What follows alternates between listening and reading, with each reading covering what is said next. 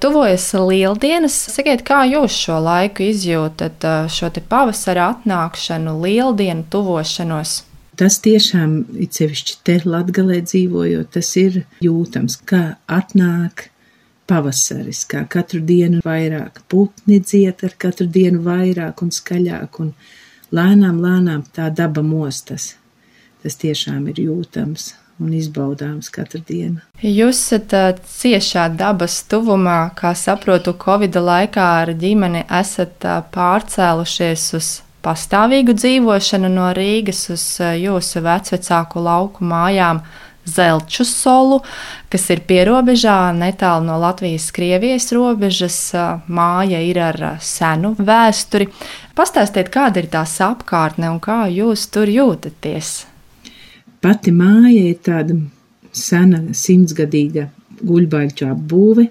Tas ir tāds četrstūris ar lielu pagalmu, un tā ir tā tiešām pasaules tāds centrs neliels.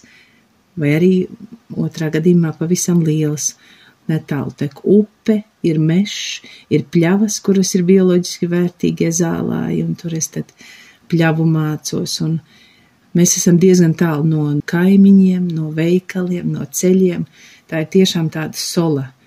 Tāpēc es viņu arī saucu par zeļķu solu, ka tā ir tiešām tāda sola un tāda sava pasaule, kur es būvēju gan mākslas izstādes, gan pieļauju arī būs arī lasījumi stāstu, kāda literatūras pasākumi un tā dabas iepazīšanas, tā, tā pasaule te tāda pasaule pasaulē.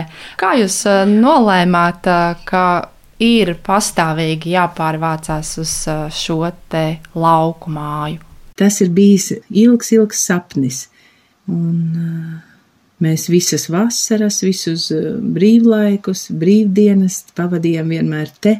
Un tagad es smējos, ka mēs īstenībā dzīvojam te, bet braucām strādāt un mācīties uz Rīgu. Uh, Nu, tagad tā var teikt, kad esam atgriezušies. Jā, tas bija tāds arī varētu pat teikt bērnības sapnis dzīvot te, kā tādā pasaku mājā. Tas nozīmē, ka jūs šobrīd jūtaties ļoti labi. Jā, protams, ir laukos dzīvot, ir dažādas grūtības vai, vai mūžīgie dubļi, bet, nu, tie tā tēva dubļi sidraboti un ceļš, kurš ir dubļu ceļš lietas laikā un ceļa nēsamība piebraucamā ceļa, bet eh, tās grūtības, tās eh, nav tik nozīmīgas eh, pretstatot tam, nu, tām sajūtām, ko tu vari saņemt dzīvojot. Pasaules tādai apzinātības tādām mm, sajūtām. Pavisam nesen ir klajā nācis jūsu stāstu un dzējas krājums Toragas tosti pīns, jeb eh, latviešu literārajā valodā krājuma nosaukums skan biespiena stāsti piens. Kā var saprast pēc nosaukuma, šis krājums turpina pērni izdoto stāstu krājumu toragas tosti, vai tas tā ir un par ko ir šis eh, krājums? Jā, toragas tosti pīns turpina iepriekšējā gadā izdoto Toragas tostu daļu, bet e, šī grāmata jaunā veltīta tieši pašam sākumam. Ja runājam par biespienu, ja toragu, nu, to tapšanas procesu, šis ir tas pats sākums, tas pats piena sākums. Par toragu un par cilvēku runājot, arī tas ir tas cilvēka sākums, tā piedzimšana, tā būšana ar mammu un piens pirmais baltais, un tas ir stāsti vairāk ir rakstīt par to cilvēka sākuma posmu un arī par to sievieti tajā brīdī, kad um, viņa kļūst par māti. Un turpinot arī iepriekšējā grāmatā iekļautu arī par to pašu vardarbību, cik traumējoša var būt vardarbība cilvēkam piedzimstot un cik svarīgi ir piedzimst mīlestībā, saudzīgā un izprotošā atmosfērā un attieksmē pret māti, kurai dzimst bērniņš un pret bērniņu, pret viņa ienākšanu pasaulē to brīdi. Ka tā, tam mirklim ir jābūt pilnam mīlestības, lai cilvēks izaugtu arī. Izaugt, un tā kā es rakstu, izaugt par labu cilvēku, izaugtu bez vardarbības gan sevī, gan ka viņš to nebūtu saņēmis ienākot pasaulē, ka viņš nebūtu saņēmis vardarbīgu attieksmi pret sevi. Un tad viņ, viņam ir iespēja arī izaugt par labu cilvēku par labu cilvēku un bez vardarbības arī pēc tam izaugot pieaugušam pret citiem nedarīt tā. Jā, šī vardarbība pavīda gan emocionāla, gan fiziska vardarbība. Jūsu šajos stāstos tas ir piemēram dzemdību namā vai savā ģimenē pieredzēta. Kā jums šķiet, ko nodara cilvēkam šīs nelabās lietas, kā tās ietekmē viņa šo turpmāko dzīvi? Pašā sākuma posmā bieži vien tāda nesaprastā vardarbība, tāda emocionālā vardarbība pret bērniņu Viņš visu mūžu var nodzīvot tādās bailēs no pasaules. Bailēs būt pamestam, piemēram, ja tā kā agrāk dzemdību namā tika atņemti bērniņi, nu, no mammas tika guldīti atsevišķās telpās, bez mammas klātbūtnes pirmās dienas. Un tad viņam visu mūžu ir bailes būt pamestam. Un tad tas var būt, un tad eh, bailes vispār par savu būtību, Un, un, un, un trakākā gadījumā viņš var kļūt vardarbīgs pret pārējiem, tā kā atriebjoties par savu pieredzi. Nu, neapzināti atriebjoties, tad, kā, kas man ir nodarīts, es darīšu pārējiem tieši tāpat. Kādēļ jūs par to rakstāt, par šo emocionālo un arī fizisko vardarbību? Tā ir vēlme parādīt to, aktualizēt, vēlaties mainīt? Jā, vēlos mainīt. Aktualizēt, jo es uzskatu, ka tas piedzimšanas brīdis ir viens no svarīgākajiem cilvēka dzīvē, un ka tas, kādā veidā tu nāc pasaulē, ietekmē visu tavu dzīvi, un aktualizējot un runājot par to, rakstot par to, mēs varam izmainīt, mēs varam izmainīt arī to pierasto sistēmisko vardarbību, ļoti ceru un ticu, ka šobrīd mūsdienās tas nenotiek, bet rakstot par to, mēs varam katrs um, kā, nokļūt atmiņās pie varbūt pie savas dzimšanas vai pie savu bērnu dzimšanas un saprast un tā kā varbūt dziedēt to notikumu sevī. Un tādējādi arī to pasauli padarīt labāku ar katru nākamo paudzi. Jums pašai ir kupla ģimene, jūs esat sešu bērnu mamma. Ko jums personīgi nozīmē šī mātes loma? Nu, tā, tā ir ļoti brīnišķīga loma, ja tā var teikt. Ka tas ir ar mani noticis, tas ir ļoti brīnišķīgi būt par mammu. Un arī bērna dzemdības tas ir tiešām ļoti brīnumains notikums un jauna posma sākums, kurš ir bezgalīgs. Par nepatīkamo arī vēlos ar jums parunāt, kas šobrīd notiek, un mēs dzirdam to masu saziņas līdzekļos, redzam sociālajos tīklos. Kā jūs uztverat to, kas šobrīd notiek Ukrainā, šī vardarbība, nežēlistība? Kā jūs sevi stiprināt emocionāli, raugoties uz to visu?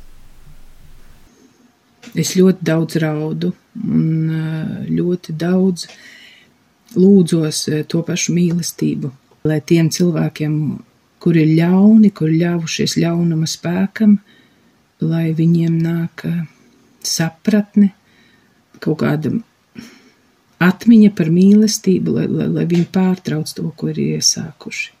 Tas ir vienīgais, es domāju, kas var apstādināt šo karu. Kā jums šķiet, no kurienes nāk cilvēkos šis neizmēramais ļaunums, kas ir tie iemesli, kāpēc cilvēks neizaug par cilvēku un viņā nav šī cilvēcīguma? Nu, te atgriežoties arī pie stāstiem manā grāmatā, ka tas bieži vien saistīts tieši ar to pašu sākumu dzīves.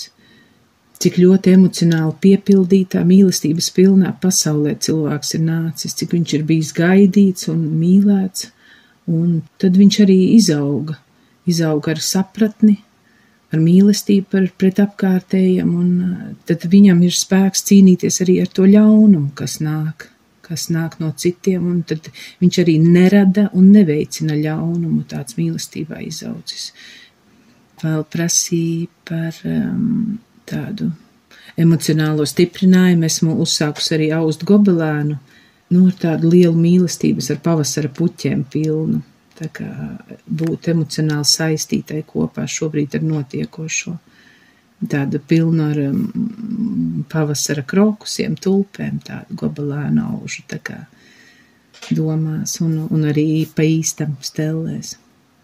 Jūs dzīvojat uh, ļoti tuvu Latvijas-Krievijas robežai. Kādas jums ir šobrīd šīs personīgās sajūtas? Jūs jūtaties droši? Par to drošumu droši jūtos tad, kad esmu kopā ar ģimeni, un tad tai vietai nav tik daudz nozīmes. Tās robežas, robežas bieži vien ir mūsu prātā vai viņas eksistē vai neeksistē uz kartēm vai iezīmēts dabā. Un, un tā drošība ir būt drošībā par ģimeni. Un tad, ja viss kārtībā, tad es arī jūtos droši. Tā es varētu teikt. Un tā ir ģimene, tas ir tas, kas mūs stiprina un kas ir tas mūsu pamats. Jā, ģimene ir tā, kas stiprina un Jā, un ģimene arī lielākā, teiksim, ne tik, ne tik mana ģimene, bet ģimene arī lielākā izpratnē, brāļi, māsas, visi radinieki, tas, ka mēs esam vienoti domās un, un tādās attiecībās un mīlestībā viens pret otru. Un tad tā ģimene izaug līdz valstiskumam, un līdz valstī, un līdz, līdz arī nu, citām tautām. Tā, tā ģimene ir liels jēdziens.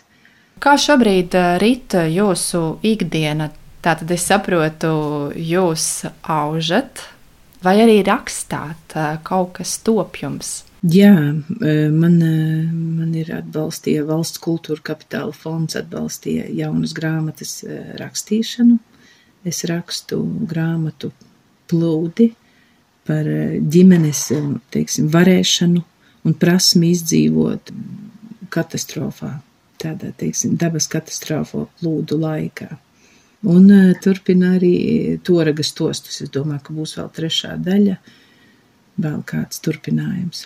Jā, jums ir šī kuplā ģimene. Kurā laikā jūs varat pagūt, rakstīt un, un vēl piesaisties pie stelēm? Nu, tie brīži ir jā, jāķer, jāmedī. Nu, tie ir dažādi. Ja es aužu, tad um, šobrīd viens no dēliem auž blakus stelēs. Uh, Tad tie ir tā kā mazāk guļ pusdienu laiku, vai tie ir kaut kādi vēlie vakari vai agrie rīti tagad pavasaros. Un tā, ka tie ir tādi brīži sev. Tā rakstīšana ir tāda saruna, ļoti, ļoti dziļa saruna ar sevi. Un arī aušana, tā ir domas, meditācija. Un tad tie brīži vienalga, vai es rakstu, vai es aužu, vai es daru ko citu, tie brīži ir jāatrod sev sarunai ar sevi. Pavisam drīz jau lieldienas Kā jūsu ģimenē šis laiks tiek pavadīts, kā tiek svinēti šie svētki? Ir kaut kādas uh, lietas, darbības, kas jums ir obligātas jūsu ģimenē, un bez tām nevar iztikt nevienu gadu. Olu krāsošana, tad mēs salasam visādas jau saplaukušas lapas, sīpolu mīzes, dažādas putrājumus un griežam no papīriem, rakstus, burtus. Tad ir tāda lielā darbnīca uz lielā galda virtuvē, tad mēs visi kopā ar bērniem krāsojam, tinam viņas, vāru un iztinam ārā, un tad tas ir tāds lielais darbs, olu krāsošana. Tad ir arī lieldienas zaķu olu meklēšana mazajiem bērniem. Citu, citu gadu tie ir tādas spēles ar uzdevumiem, ka viņi saņem vēstuli un tad viņi pa zeļķu solu meklē tās lieldienu zaķa olas. Tad ir šūpošanās, olu kaušanās, olu spēles dažādas. Un tad e, reizēm mēs ejam arī uz upītes ciemu, kur ir kopīgā svinēšana upītes ciemā. Ko jūs, Anneli, novēlētu ikvienam e, šajos svētkos, e, kas tiek pavadīti nu, ļoti, ļoti sarežģītā laikā un, un sāpīgā. Būt kopā ar ģimeni. Un tad um, svinēt svētkus, varbūt ievērojot. Tā kā es stāstīju par mūsu tradīcijām vai ieradumiem, bet arī tos svētkus svinēt arī ir ievērojot kādu savu ģimenes tradīciju vai, vai ieražas, braukt ciemos pie vectēva, pie vecmāmiņas, pie savējiem un tiešām tos um, svētkus un to pavasara sagaidīšanu sagaidīt ar labām domām un būt kopā ar savējiem. Priecāties par tauriņiem, par bizbizmārītēm, par puķēm pirmajām un otrajām un tad pārskatīt sēklu krājumus un stādīt lielu dārzu, lai, lai ja nu kādam būs vajadzīgs, tad rudenī var nākt palīgā savu saudzēto ražu un tad, teiksim, neatgriezties darbos, bet arī domās atgriezties pie dabas, tā tie svētki varētu būt vairāk. Priecāties par to, kas notiek dabā.